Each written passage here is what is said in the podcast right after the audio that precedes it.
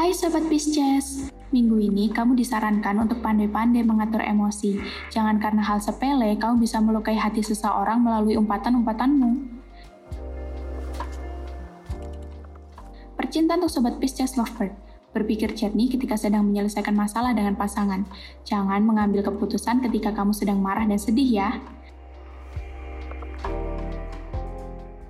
Percintaan untuk sobat Pisces yang masih single, jangan mau dikantungin alias jangan sia-siain waktu kamu untuk seseorang yang bahkan nggak menganggap kamu ada.